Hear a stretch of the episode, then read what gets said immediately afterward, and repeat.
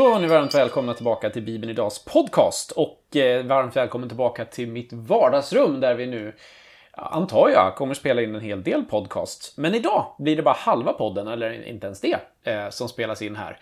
Eh, Magnus! Förvirrande. Vadå? Vad försöker du säga? Jag försöker göra ett eh, härligt intryck här i början. Tack Olof, det, det är jättetrevligt att vara här i ditt eminenta vardagsrum. Ja, det det är väl på sätt och vis ditt vardagsrum också, eller Det hur? är faktiskt mitt vardagsrum också. Ja, precis. I alla fall en bit. Eh, vi, vi ska inte snacka så länge alls, för att eh, jag Ja. har varit iväg eh, utan dig. Och, och lämnat dig. Har du varit otrogen? Ja, nej, nej, nej, det kan man nog inte säga. Eh, men eh, du jobbar ju över, så jag fick dra utan dig Ja, och leta upp vår författare. Du har pratat med Jens. Ja! Vad roligt! Yay! Det ska bli jättekul att höra vad han har att säga. Ja, visst är det men på bra. riktigt, det ser jag faktiskt fram emot. Ja, ja. Jo, eh, Jens då alltså, författare till en guide till Johannesbreven och Judasbrevet. Som vi ju släppte här för inte så länge sedan. Eh, med en release och pompa och ståt och så vidare på eh, Johannelund. Eller på själva releasen ska vi väl ärligt talat säga var i Lötenkyrkans eh, lokaler. Men sen fortsatte vi med en föreläsning uppe på Johannelund. Jag var ju inte beredd på att det skulle vara ett riktigt boksläpp. Nej, hade ju filmat det i sådana fall. ja, det var inte så många som var beredda på det. Men det blev stort jubel. Inte Jens heller. Nej, han hade ingen aning heller. Jag kanske skulle ha förberett honom på det. Eh, För de som inte var där då så kan vi ju säga att vi helt enkelt bad Jens att ta boken och släppa den. Och Jens är rätt lång så det blev två meter boksläpp. Eh, Ni förstår ungefär. Eh, Och boken är rätt lätt så det, hade, det var ett långt boksläpp också. Den seglade så fint. Mm. Ja, riktigt så lätt. Ja, ja. Nog om detta. Eh, det var väldigt trevligt. Vi tackar EFS eh, och Salt Mittsverige som eh, bjöd in oss att vara med på deras eh, fika under deras årsmöte. S- Eller deras årskonferens ska man nog säga. Eh, så det var väldigt trevligt. Så vi fick eh, visa upp Jens och hela serien. Ja. Och eh, Vad kul att träffa så mycket folk också. Ja, det är alltid roligt. Tack ni som eh, kom fram och hälsade. Eh, hoppas att ni har glädje av boken nu. Jag såg det var någon som skrev på Facebook att de redan hade läst igenom den för att de, eller de hade läst eh, Judasbrevsdelen för den och såg fram emot, vilket var lite kul. Judasbrev, okej. Så, ah, läste den, jättebra. inte? Okej. Eh, Det är lite roligt eh, med tanke på vad Jens säger i intervjun om, om vad han tänkte om Judasbrevet. Okej. Eh, Men det får ni ju höra nu. Så vi, vi slänger vidare till mig och Jens och förflyttar hela poddandet en liten bit härifrån.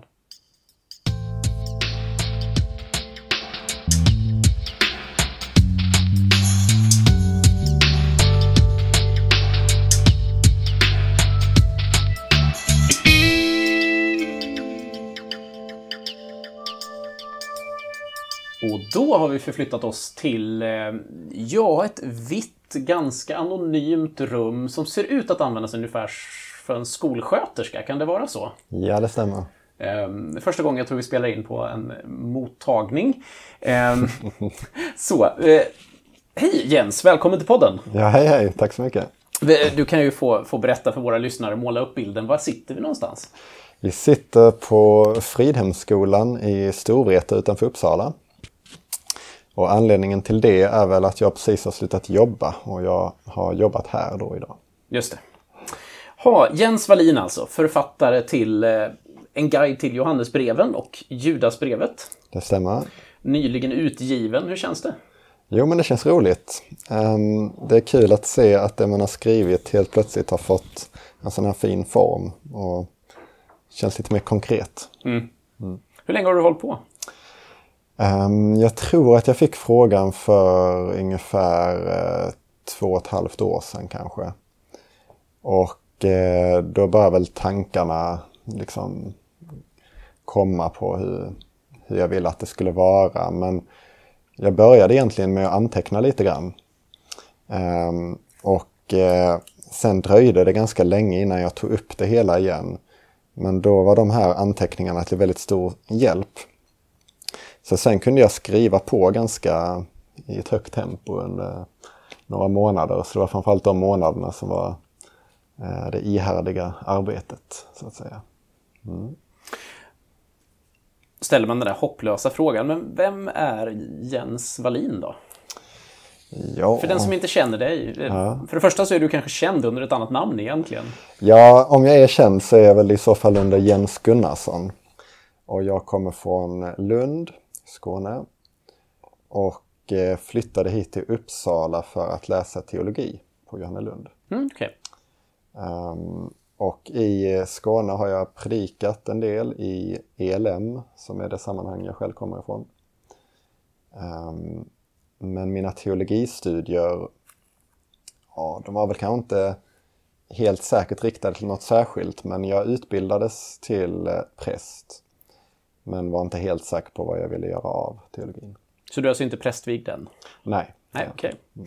Vi får se vad framtiden har i sitt sköte på den det punkten. får vi göra. Kommer det sig att du valde Johannelund? Ehm, det var nog en kombination dels av att jag hade stött på en del av lärarna därifrån och hade fått förtroende för dem. Ehm, också att EFS ligger ganska nära den tradition jag själv är uppvuxen i. Och EFS driver ju Johannelund. Um, och kanske också att man ja, ville se någon annan stad, någon, någonting annat i Sverige. Okej, du, Och du, detta låg i Uppsala. just det. Mm. Ja, och sen har du blivit kvar här. Precis, jag har studerat teologi i sju och ett halvt år. Då var jag i och för sig ett år i Oxford också. Men efter det så har jag nu varit här i nästan ett och ett halvt år. Så det blir väl nio år totalt. Ja. Oxford, hur hamnar man i Oxford? Nu blir jag nyfiken. Ja, alltså de, eh, Johannelund startade ett samarbete med en eh, kyrka och ett college i Oxford. Eh, och när den idén presenterades så var jag nog den enda som var skeptisk och tyckte att jag har allt jag behöver i Sverige. Men när det väl sen det här, det här tillfället kom och jag hade lyssnat på några av pastorerna som hade varit i Sverige så fick jag en väldigt stor längtan att åka dit. Så jag gick då en, eh, ja, en sorts praktikplats kanske man kan säga i en kyrka. Och så skrev jag fyra uppsatser där på universitetet. Alla som har läst på universitetet så, så länge som du har gjort har oftast intresserat sig för någonting särskilt. Vad, liksom, vad, vad var det som du var mest intresserad av? I teologin. Ja, precis. Um, bibelvetenskap helt klart och kanske särskilt Gamla Testamentet. Eh, därefter kyrkohistoria. Okej. Var det någon särskild del av Gamla Testamentet som... Um, nej, möjligen Saltaren. Ja. Men sen upptäckte jag faktiskt nu i efterhand att jag har nog nästan läst mer nytestamentliga kurser. Men både GT och NT intresserar mig mycket. Ja. För att eh, då får den här lite okonventionella bilden. Vad ehm, ligger på ditt nattduksbord i form av böcker just nu? Du kanske inte har dem på nattduksbordet, men vad, vad, vad har du igång som du läser just nu? På nattduksbordet ligger en andaktsbok som jag och min fru läser. Eh, som är särskilt inriktat för äktenskapet. Eh, annars läser jag dels en bok som heter Kristen skola genom tusen år. Mhm. Som handlar om den kristna skolans historia i Sverige. Um, och um, så läser jag en bok om rättfärdighet. Om, um, jag tror den heter Rättfärdighet, börda eller befrielse. Och sen läser jag en uh, bok av en före detta muslim som har blivit kristen. Uh, ja, jag tror jag läser några till. Så... Det brukar kunna vara så, men det var det. Ja. Mm. Hur kändes det då när, när du eh, fick den här frågan för ja, ett par år sedan nu? Eh, om att skriva en guide, en guide till Nya Testamentet. Vad, hur upplevde du, upplevde du det? Eh, Jag blev väldigt glad för, för frågan. För jag gillar att skriva i allmänhet och att utlägga bibeltexter i synnerhet. Ehm, och har skrivit en del artiklar till olika tidningar. Men ehm, det var faktiskt några i, mina hemgrupp, i min hemgrupp en gång som sa så att Jens, du borde ju skriva för Bibelguiden. Och då tänkte jag att ja, det hade ju varit väldigt roligt. Ehm, men sen eh, hade jag inte så mycket tankar på det sen. Men så plötsligt kom den här frågan och då tänkte jag att ja, det vill jag väldigt gärna göra. Och för, för de som är nyfikna hur det här går till egentligen så är det så att vi i Bibeln idag frågar runt på universiteten och på ja, bland annat då Johannelund och, och så här frågar men vem, vilka är det som ni rekommenderar som vi ska fråga? Så det var så som vi letade upp dig. Just det. Ja, och så det gick till. Jo, det var väldigt kul och kändes som en eh, ära att få frågan. Vad, vad känner du att det finns i din historia som gör att, att eh, du kunde skriva en bibelguide så bra som den ändå blev här nu? Nu sitter vi med den framför oss så vi vet ju att den, den är till stor hjälp. Men vad, vad ser du i din historia bakåt? Förutom då så det självklara i dina teologstudier. Liksom, men om man tittar liksom, längre tillbaka kanske. Ja. Alltså jag tror intresset för Bibeln har funnits där så långt jag kan minnas nästan i mitt liv. Um, det började väl med barnens bibel men under min ungdomstid så fick jag en eh, längtan efter att fördjupa mig mycket i Bibeln. Och eh, när jag sen fick möjlighet att eh, predika i olika sammanhang och även skriva för kristna tidningar redan under gymnasietiden då kände jag att ja, men det här är ju det här är livet. Eh, jag vet nästan ingenting som jag tycker är roligare än att predika. Och det kanske skulle i så fall vara att skriva i artikelform, ofta någon form av andaktsliknande eller bibelutläggande. Och den kombinationen att få både gräva i Bibeln, att få förkunna och att skriva känns som att uh, det gör att jag åtminstone haft glädjen i att skriva den här boken. Mm. Mm. Hur minns du? Eh, det är intressant, så här, vad, du fick en glädje av att fördjupa dig, säger du. Vad, kommer du ihåg hur du gjorde som tonåring? Vad, vad, var det, vad hade du för resurser eller vad hade du för hjälp att göra det? Ja. Jag minns faktiskt ett tillfälle när en föreläsare hade kommit till vår församling och hade en föreläsning om eh, bibelexegetik, alltså bibelvetenskap. Eh, och han gick igenom olika metoder och hur man undersöker Bibeln och, och gräver i den. Och trots att jag då, jag minns inte om det var på högstadiet eller gymnasiet, men trots att jag var ganska ung så kände jag redan då att jag ville gå hem och gå igenom allt det här med den litterära kontexten och historiska kontexten och till och med kanske lite språk. Eh, vilket gjorde att de anlagen såddes kanske redan då, de här lite mer vetenskapliga sättet att, att närma sig böckerna på. Um, men uh, nej, annars var det väl mest bara att jag ville gå på olika bibelstudier och fördjupa mig. Johannesbreven och Judasbrevet har du ju skrivit en guide till här. Vad gick du in i arbetet med för, för känsla för de två eller ja, tre, fyra, fyra är de ju såklart, men ja, om man nu klumpar ihop Johannesbreven och Judasbrevet. Du kan få särskilja dem också om du vill, men vad, vad ja. gick du in i det med för tankar? Johannesbreven blev jag jätteglad att jag fick frågan för. Um, för jag, jag fick indikationer på, jag tror det var så att du kontaktade mig och bad om ett möte angående Bibelguiden. Och då insåg jag väl att en fråga skulle komma, även om det inte var så tydligt uttryckt innan vi träffades.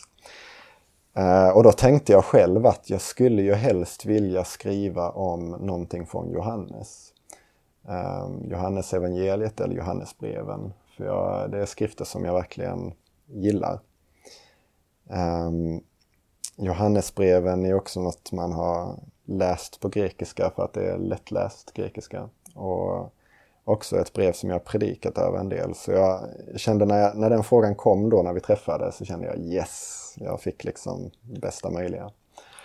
Um, dock hade jag också tänkt på vilka jag lite mindre hade velat skriva om.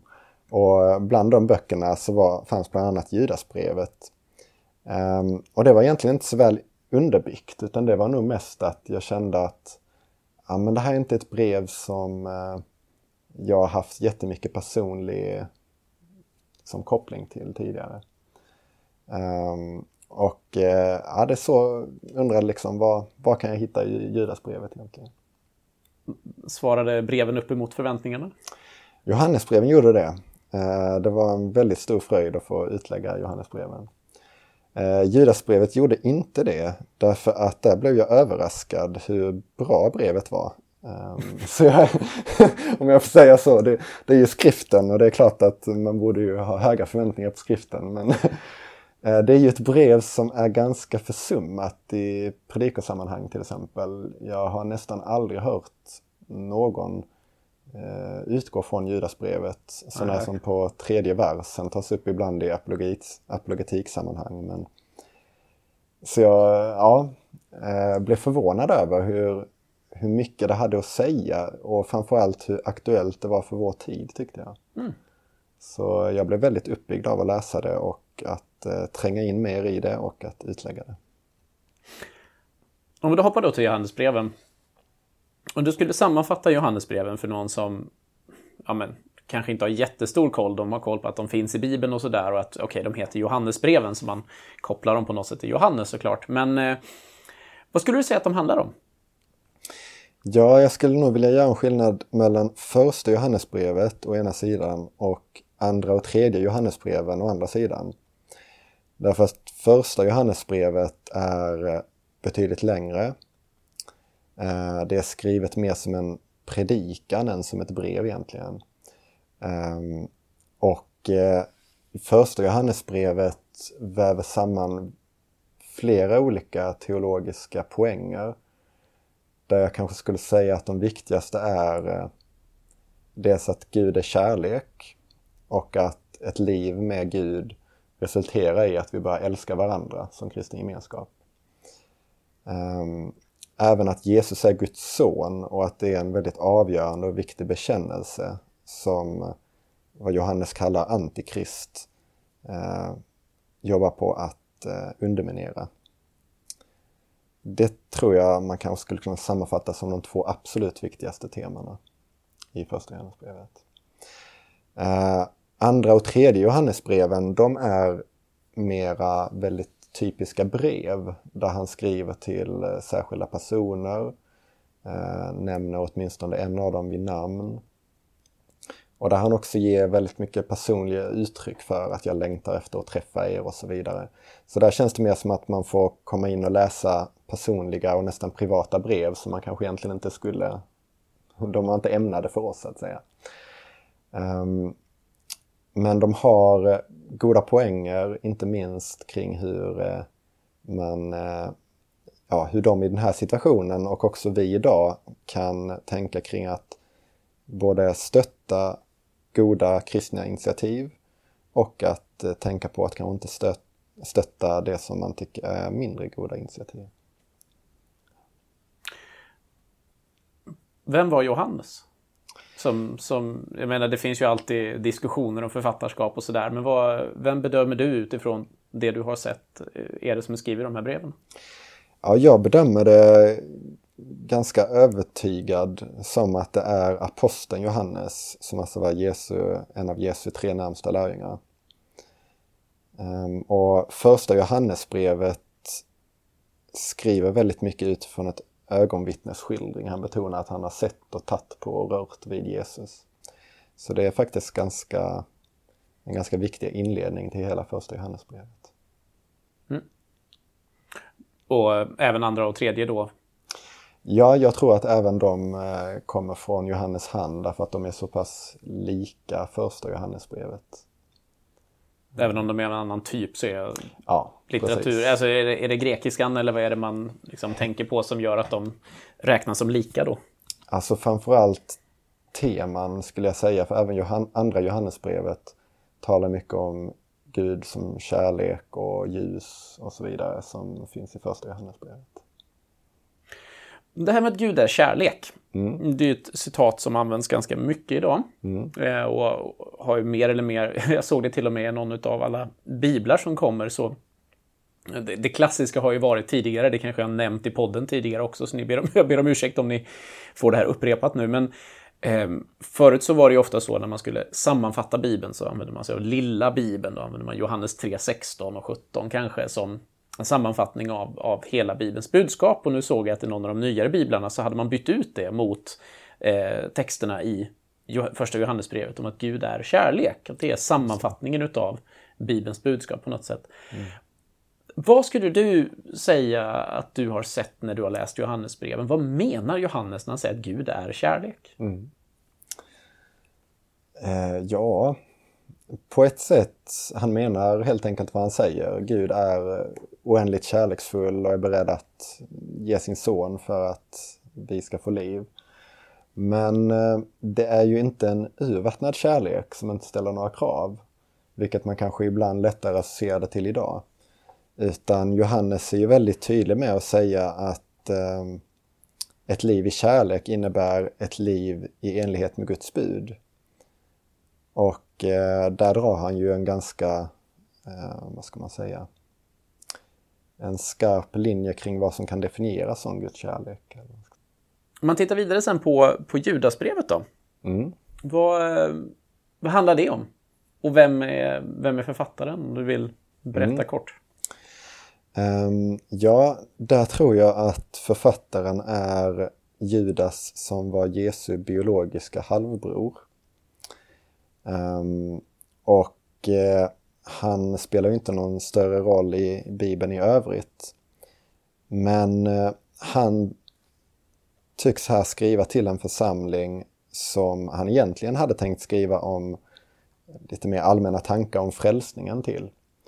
Men så kom han på att, eller han insåg att eh, situationen i den församlingen nödgade honom att istället skriva om eh, hur de skulle förhålla sig till olika villolärare som hade kommit in i församlingen. Eh, och hans poäng är väl dels att eh, gudlöshet straffar sig. Därför att de här personerna som hade kommit in i församlingen levde på ett mycket omoraliskt sätt. Eh, och han går igenom hur, ja, tanken på att Gud faktiskt dömer det onda. Det kan man väl säga är första halvan av Judasbrevet. Andra halvan av Judasbrevet den ägnar sig mer åt att positivt berätta hur man som kristen då, som efterföljare av Jesus, ska förhålla sig till en sådan situation. När det, om man är omgiven av mycket omoral.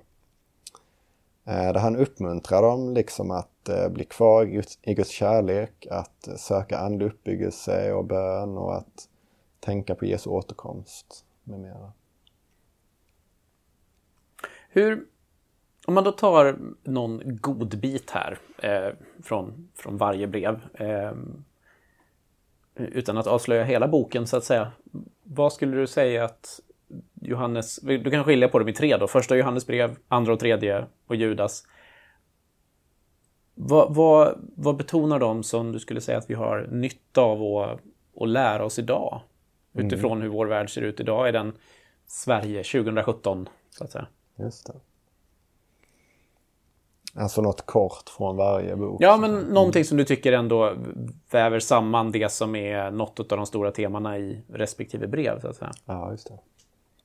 Ja, första Johannesbrevet skulle jag väl kanske säga att den lär oss att vi i en pluralistisk tid som vi faktiskt lever i måste behålla bekännelsen till Jesus som Guds son, alltså som en avgörande person. Och också att vi i vår gemenskap behöver leva äkta och ärligt och kärleksfullt gentemot varandra. Andra Johannesbrevet har för mig stämt till eftertanke kring um, vikten av vik vad omkring mig stöttar jag med mina gåvor till exempel. Att jag inte ska stötta allt för lättvindigt, någonting som jag inte um, ja, tror är värt att stötta. Eller vad man ska säga. Eh, och tredje Johannesbrevet kan man väl säga då visar oss hur viktigt det är att verkligen stötta mission och, och det som är gott att stötta. Eller vad man ska säga. Eh, Judasbrevet skulle jag väl säga uppmuntrar oss till att eh, inte bli missmodiga inför eh, omoral i vår omgivning utan istället vara ett gott exempel och hålla fast vid, vid eh, Gud. Kanske jag sammanfattningsvis Mm. skulle. För längre utläggning, se boken. Nej, Precis, precis. Det blir ju väldigt kort det här. Ja, men jag bad om ett kort svar, så jag får skylla mig själv. Precis.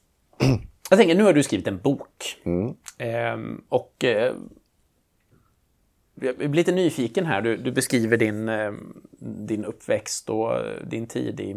Jag menar, när du och jag växte upp så var det ändå så att Eh, teknik var teknik, men den har kommit oss väldigt mycket närmare och mycket av bibelläsning är på väg att flyttas över i mångt och mycket till eh, appar och telefoner och du ser fler och fler eh, skärmar lysa upp när man ska läsa, läsa Bibeln i en, en ungdomssamling eller i en, en gudstjänst eller bibelstudiegrupp för den delen också.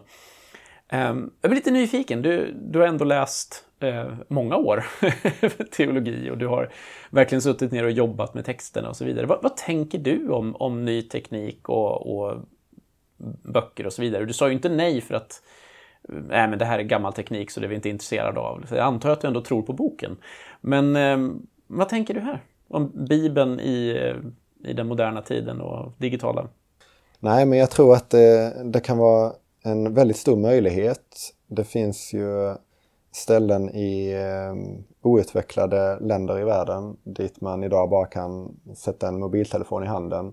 Så har de tillgång till oändliga biblar och bibelöversättningar och bibelkommentarer och, och saker som de annars skulle behöva ett helt bibliotek till att uh, få reda på. Um, jag tror också det kan hjälpa många att Eh, till exempel lyssna på den här podden när man är på väg någonstans eller om man vill läsa Bibeln på bussen utan att ta med Bibeln i sin ryggsäck. Ehm, sen tror jag dock att böcker kommer nog eh, under lång tid framöver i alla fall fortfarande vara väldigt aktuella för det finns en väldigt bra eh, en viss känsla med att sitta ner med en fysisk bok och att kunna göra ehm, anteckningar i marginalerna och så, så jag, jag, tror väl att eh, tekniken ger oss väldigt goda möjligheter. Eh, men jag tror också att den gamla bokformen kommer att hålla länge till. Du ser det som en positiv utveckling helt enkelt? Ja. ja, ja. Eller, eller neutral utveckling. det är helt enkelt bara nya sätt att läsa på. Ja, texten är texten. Mm. Vad skulle du säga att det här studiet nu när, när du ändå har lagt ganska mycket tid på, på just ett, dessa fyra brev har det gjort någonting med din egen bibelläsning? Inte som jag är medveten om. Det har ju såklart gjort något med min läsning av Johannesbreven och Judasbrevet eftersom min förståelse har blivit djupare. Men generellt sett så kanske det inte finns något jag är medveten om att det har gjort. Mm. Nu, eh, den här frågan ställer jag ibland till, till författare som har skrivit om du själv skulle få välja, du får frågan av mig här nu, om, men du får skriva om en bok till i Bibeln. Mm. Eh, så släpper vi den om fem år. Mm. Vad skulle du välja att fördjupa dig i? Då kan du få gå till GT också om du vill. Oj, oj, oj. Um, du hade en kärlek till Johannesbreven redan innan. Du var lite sugen där sa du. Precis. Johannesevangeliet tror jag redan är tagen. Ja, ja, jo, jo ja, vi, vi struntar i det fenomenet. Vad skulle ah, okay. du välja att fördjupa dig i? Liksom? Kanske Johannesevangeliet då. Ah. Um, Ordspråksboken hade varit lite fascinerande också tror jag. Oj, ja det hade det. um, Vad är det med Ordspråksboken du gillar? Ja men det är så bra ordspråk. Um, jag tycker man blir faktiskt klokare av att läsa Ordspråksboken. Det, goda reflektioner.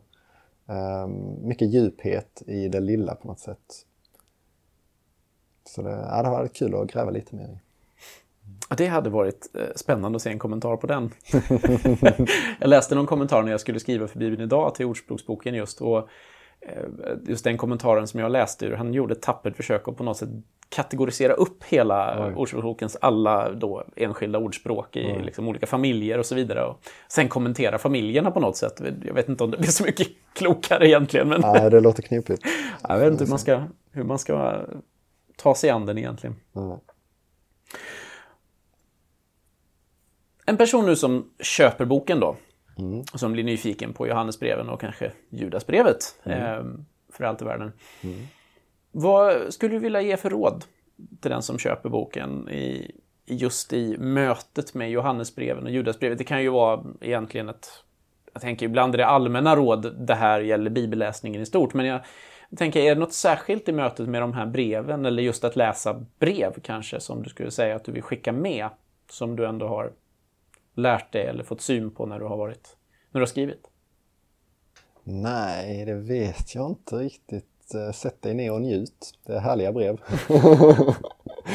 um, första Johannesbrevet som sagt är ju mer som en predikan. Den kan man förvänta sig att bara få väldigt mycket uppbyggelse ifrån. Och där tror jag att man inte ska krångla till det för mycket utan bara, i alla fall första gången man läser, att bara läsa och låta det sjunka in utan att ställa för många frågor och sen vid andra, en andra genomläsning att då ta sina frågor och fundera och kanske läsa i boken och så vidare. Mm. Alltså det här med att läsa brev. Mm. Jag menar det är, det är en sak att kastas eh, nästan 2000 år tillbaka i tiden. Det är ju speciellt i all bibelläsning.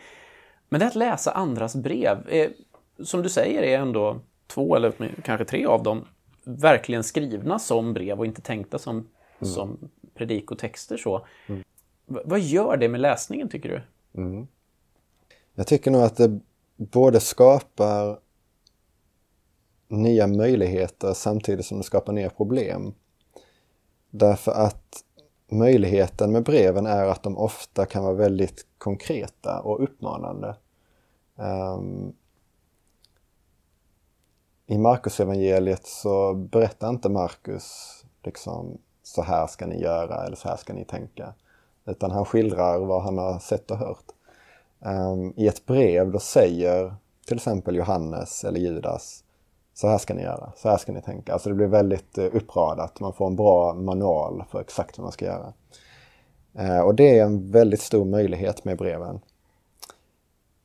Det problem som kommer samtidigt det är att man inte alltid kan veta är det applicerbart på just mig. För det är ju faktiskt inte riktat till alla eh, som sådant. När Paulus uppmanar Timoteus att ta med sina böcker så är det svårt för mig att kanske praktisera det i min vardag eftersom det inte är riktat till mig och min situation just då. Så det är väl det här att man måste försöka få ut allmänna principer från de här direkta uppmaningarna. Som är utmaningen men också den stora möjligheten. Hur gör man det? Hur, hur söker man allmänna principer i, ja det gäller ju bibeltext i, i, stort antar jag, eh, även om det kanske är lättare på andra ställen. Men mm. hur gör man det skulle du säga? Du har ju ändå varit tvungen, eftersom hela guideserien bygger på att försöka leta efter någonting som ska tala in i vår tid. Precis. Ja, jag skulle nog säga att man så långt man kan ska försöka göra sig en bild av vilken situation befann mottagarna sig i? Eh, är min situation densamma eller liknande? Eh, och sen helt enkelt då bara vad menade författaren? För om situationen är snarlik eller exakt densamma för mig, då är det inte alltid, men då kan man ändå tänka sig att det är troligt att det författaren skriver också skulle gälla mig i min situation. För det är ju vad Gud har velat säga i en viss tid, i en viss situation till en viss person. Och om jag befinner mig i samma situation, då kan jag ju kanske gissa att Gud skulle säga detsamma till mig. Hur hanterar man motsatsen då? När man känner att situationen inte alls stämmer? Mm. Jo, alltså ett bra exempel det är ju i Gamla Testamentet där Gud ger lagar till det judiska folket genom Moses. Um, Därför att där ger han lagar som helt enkelt inte gäller en hednisk svensk. Uh, utan de var specifikt till det judiska folket och uh, om det då står att judarna eh, Ja, exempelvis så finns det ett bud till judarna att de vid eh, sitt första år som gifta inte ska gå ut i krigstjänst. Eh, utan ska vara hemma och, och värna om sitt äktenskap. Eh, det är faktiskt en uppmaning som jag själv har tagit till mig och eh, under min första tid nu som gift inte ta så mycket predikouppdrag. Därför att jag tror det är en ganska bra allmän princip som jag lär mig av det här budet som inte var riktat till mig utan till judarna. Eh, och det betyder inte att jag tar det som att det är till mig. Ehm, men jag kan ändå se en princip i det. Likaså sabbatsbudet. Ehm, att vila en gång i veckan och göra det på lördagen. Det är inte ett bud som binder mig som svensk. det är ett bud för judarna. Men det säger mig någonting om hur mycket Gud värdesätter vilan. Hur viktig vilan är. Eh, och man kan också praktisera det genom att till exempel ha söndagen som en vilodag eller någon annan dag. Eh, så det är många bud i, den, i Mose lag som inte gäller mig som icke-jude, men där jag ändå kan se goda principer som säger mig något om Gud och om livet. Och på samma sätt i Johannesbreven, Judasbrevet och Paulusbrev så kan det finnas många bud som eh, inte gäller mig bokstavligen, men som jag ändå kan se en bra princip, levnadsprincip, som jag kan ta från. Mm. Med det så eh, ska vi börja runda av det här samtalet. Eh, och jag tänkte att eh, vi ska göra det med att du ska få fundera på... Okej, okay, om Johannes skulle skriva ett fjärde brev, vad tror du han skulle skriva? Vad skulle han ta upp för, eh, för knyta ihop liksom säcken mellan Johannes, eh, Johannes evangeliet och Johannesbreven 1 till 3? Vad tror du han skulle välja för tema? Det sägs, och det skriver jag om i boken också, att i slutet av Johannes liv, när han besökte eller kom in i sina församlingar, då var han så till åren kommen att han var tvungen att bära sig in på en bår för han orkade inte gå. Och då var det egentligen bara en enda sak han upprepade hela tiden. Han sa till sin omgivning Mina barn älskar varandra. Och det var på något sätt hans sista testamente. Så jag tror att skulle han skriva ett fjärde brev så skulle kanske brevet bara innehålla fyra ord. Mina barn älskar varandra. Då så. Det blir lite för kort för att komma med i Bibeln, men eh, ja. det, det, är vers ett. Precis. det, det kanske var så att det fanns, men att det aldrig kom med just därför. Redan nu är ju faktiskt andra och tredje Johannesbreven de kortaste böckerna i Nya Testamentet. Mm. Um, och det skulle ju också vara ett bra sätt att klå dem den titeln så att säga, att ha ett ännu kortare brev.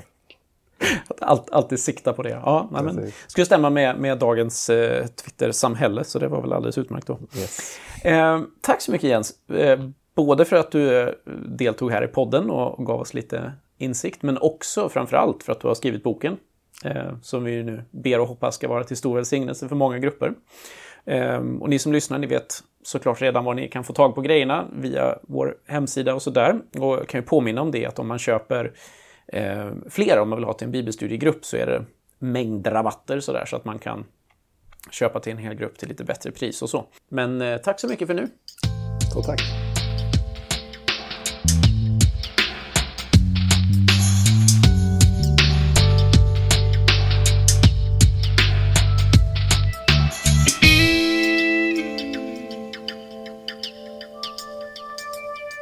Då tackar vi Jens för det. Ehm, och vi är tillbaka i vardagsrummet. Det är väldigt viktigt i en podcast att berätta var man är någonstans. Ja. Jag har liksom fått för mig det på något sätt. För, för att en lyssnare ska kunna skapa sin inre bild. Ja, en inre bild av ett vardagsrum med eh, några IKEA-möbler, eh, hisklig massa spel på en hylla och, och sådär. Och en stor Millennium Falcon i eh, Lego som min son har parkerat på bordet här. Det måste ju vara själva definitionen för att den ska få kallas ett vardagsrum, tänker jag. Det står Millennium Falcon i det. Kanske det, kanske det. Ja, från Star Wars alltså, för den som inte vet. Mm, Okej. Okay. Jaha, Magnus. Eh, vi ska bara avrunda det här egentligen. Men jag blir ja. lite så här, börjar tänka lite på en sak som vi pratade om, jag och Jens där. Och eh, det var det här med att Bibeln är full av brev. Ja. Det är väl 20 en stycken, om jag inte har helt fel. Ja. Jag räknar fyra evangelier, Apostlagärningarna, det är fem. Räknar du... Och så, och så Uppenbarelseboken, det är sex och då blir det 21 kvar. Om vi inte räknar breven i Uppenbarelseboken såklart. Struntar i dem och så säger vi 21 brev. Skippa matten. Ja, skippa matten. 21 brev. Eh, så.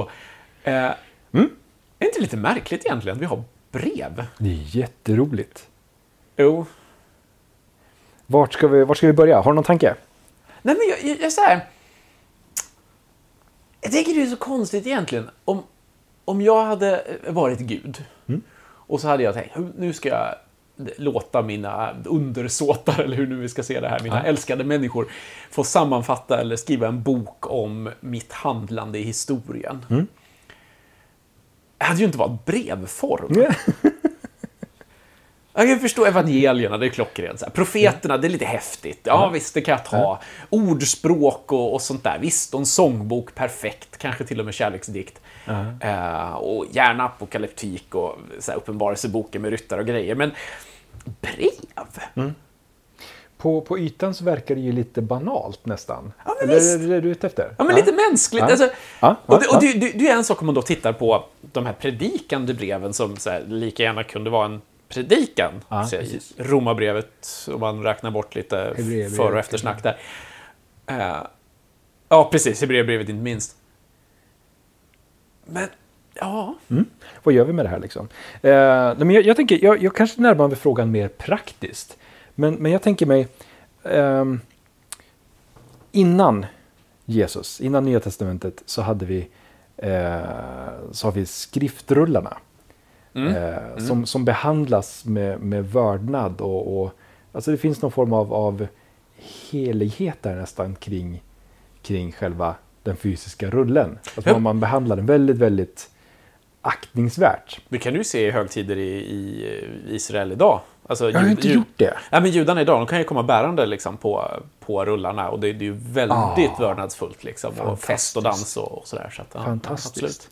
Eh, nej men just, och, och hur vi går från, från det till den unga kristna kyrkan som på något sätt, de, de har eh, breven börjar skrivas och det finns en tanke om att det här är för viktigt. Det här, det här kan inte bara finnas här.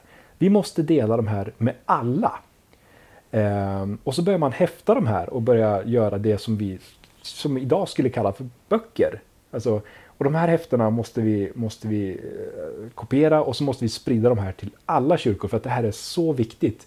Och, och tonen är ju på många ställen väldigt personlig. Onekligen. Och, men det, det finns något otroligt fascinerande där, tycker jag. Eh, där, där på något sätt texten inte på något minsta vis är mindre helig. Men, men man såg en, en... Man behövde sprida det på ett annat sätt. Och här blir ju sån enorm skillnad, tänker jag, också mot många andra heliga skrifter. I andra, andra Ja. religioner och sådär. Nu har Ja. inte jag läst så mycket i Koranen, vilket eh, ligger illa till på mitt CV. Eh, jag vill göra det, men det kommer vi till någon annan gång. Oh, vi kan läsa Koranen ihop. Nej. Du, jag har den hemma, du kan få den av mig. Ja, jo, jag har den också. Så att, eh, nej, nej. Klockan är för sent, Magnus. Men eh, nu ska vi se här. T- Tillbaka till. Nej, men jag tänker att det skiljer en del, för att många av de heliga skrifterna är oftast ganska så städade, ganska så rena. Eh,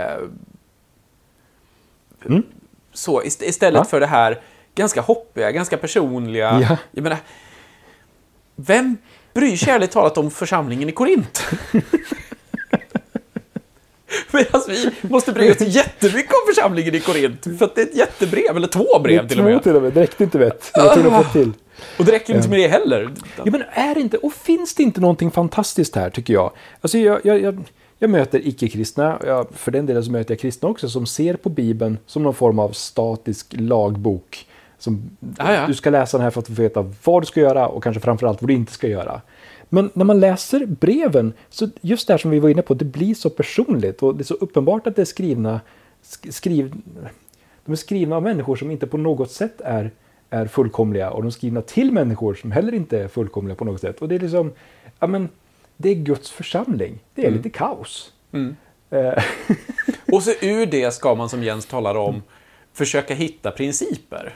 ja, Ja, men hans tanke tycker jag är jättebra där. Men okej, om jag är i, i en väldigt liknande situation, då kan jag ta det som brevförfattaren säger ganska bokstavligt många gånger. Inte alla gånger, men många gånger. Och så kommer vi till det här då när, när det inte alls stämmer och så ska man försöka leta principer. Och jag, ty- eh, jag tycker att det är ganska befriande mm, det, att, är Bibeln, jätteskönt. att Bibeln får vara sån. Ja. Att, att vi får verkligen ha en helig skrift som rymmer så mycket mänskligt. Ja. Även fast Gud så tydligt är det. För det säger så mycket om Gud. Det säger så mycket om Gud som riktar sig till människor som får vara människor. Ja. Det, jag tycker det är helt underbart. Eh, och det, alltså det är lätt att hitta exempel på det här. Men saltaren kan du inte ta för bokstavlig heller. Det, du, du, du möter ju samma saker där. Ja. Att det, det är skrivet av människor i vissa situationer. Och, och, och saltaren håller jag på... Eh, de senaste veckorna har jag läst väldigt mycket saltar, salmer som böner. Eh, och, och jag slås av just hur, hur tonen där ofta är väldigt personlig också. Och, och det handlar om att utgjuta sitt hjärta till Gud. Mm, mm. Eh, inte alltid om att få lösning på ett problem utan bara äh, så här är det. Mm. Jag är arg nu. och tonen blir därefter. Och det är okej. Ja, men där blir det ju verkligen det här klassiska exemplet med slå, slå barnen mot klippan. Liksom. Att det kommer inte stå i någon andaktsbok någonsin. Å andra sidan, där har vi verkligen en, en kärna i... Okej, de här människorna fick säga så här till Gud. Gud tål det här. Ja. Och jag lyssnade på eh, Mikael Tellberg häromdagen.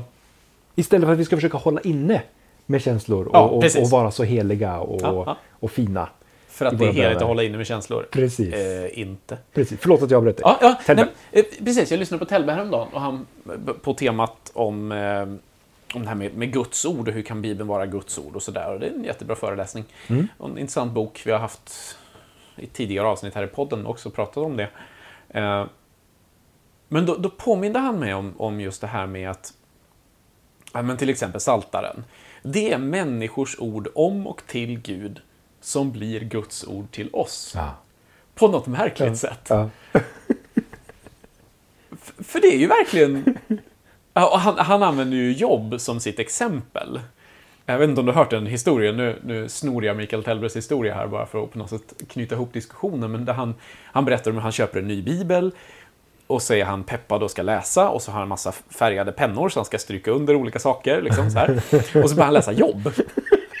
Och, och han, som han sa när han berättade, att, men, jag vet inte varför, liksom, varför, varför jobb, ja, varför inte liksom. Ja. Eh, och så börjar han stryka under, ja det här är bra, liksom. ja det här är bra. Liksom. Och så kommer han fram mot slutet av boken och för er som inte liksom, är riktigt säkra på så är det ju så att den, den, den stora delen av boken är ju tre vänner som berättar Ja. varför jobb har misslyckats. Ja. Och de har massa bra saker att säga. Massa bra grejer. Och, och det satt Mikael Tellberg och strök under. Och sen, säger, sen kommer Gud in i berättelsen och säger att typ allt de där tre har sagt, det är bara skräp. Det var inte från mig, det var bara... Och Mikael bara bläddrade tillbaka och så, ehm, Jag tror han sa att han fick köpa en ny bibel sen. Eh, för att det liksom... Ja. Och, och, och, och därmed alltså inte sagt att det inte är Guds ord. Det är det som är så charmigt. Alltså, just den här vridningen. Och i vissa fall är det enkelt. Som i jobb, ja, kanske inte första gången man läser den, men, men sen när man ser, jaha, det här var inga bra råd. Ja, just det. Jag menar, djävulen talar i Bibeln. Det är inte Guds ord. Per definition motsatsen. Men vi kan ändå se Bibeln som Guds ord. Och, och, och den här härliga balansen, det gör ju en stor utmaning när vi då läser brev eller annat. Verkligen. Hur tolkar vi det här? Och det, Verkligen. det är nyttigt att på något sätt vara... Ja, ja det, det, så. Hmm. Nej men, ehm, så... Ja. Ja. Jag, tänker också att, att det finns ett... eh, Det är ingenting man behöver fastna i, men, men det finns ju någonting här också att vi lär ju känna människor på ett annat sätt. Alltså, tänk bara så mycket vi vet om Paulus ja, ja. som vi inte hade vetat Nej, om, inte, om det inte är det att vi hade läst hans brev, hans tankar. Och, Mm. eh, han har ganska mörk humor emellanåt. Jag tycker det är fantastiskt kul. Eller- Eller hur Paulus utvecklas. Om man läser liksom bland hans första skrifter, till exempel Galaterbrevet. Han är vild. Han är arg. Han, det är där han har den här klassiska skär av alltihop Ja. liksom. Och, och, och man kan liksom se en Paulus framför sig som står och hoppar. Denna Paulus som var samma Paulus som, som förföljde de kristna Ja. med nit för att Ja. döda dem. Va? Nu går han över till motståndarsidan och börjar skriva brev och är så här helt Rabiat. gas. Ja, men verkligen så liksom. Ta bort alltihop! Och sen så lever han ett helt liv med Gud och mot slutet så sitter han i fångenskap i Efesierbrevet, Fil, eh, Filipperbrevet, Kolosserbrevet och vad är det, Filemon. Och det är en helt annan innerlighet, den här Ja. nära relationen till Kristus. Liksom. Och sen mot slutet så skriver han Timoteus och Titus. Och, Och, och man ser hur han blir den här fadersgestalten som ska Ja. ta över, va? Och, och, och, eller inte ta över, lämna vidare heter det. Mm. Eh, och den personliga vandringen får finnas med Ja. Över många år. Va? Ja. Ja. Mm. Intressant. Ja, eh, vi, ska runda av här. Nu har vi snart eh, pratat lika länge som, som Jens fick prata. Men eh, med det kan vi säga så här då, för att få en riktigt snygg övergång. Eh, vill man lära sig mer om Nya Testamentets böcker kan man titta även på de andra böckerna i serien om Bibelguiden. Nej. Det är en jättebra serie. Ja. Jag, jag är verkligen... Jag, är- nej, men, jag, jag är med på ett litet, litet hörn. Eh, men jag är otroligt stolt över det hörnet. och jag tycker verkligen om att läsa de här böckerna. Ja, ja. Jag, jag gillar nivån, jag gillar tonen.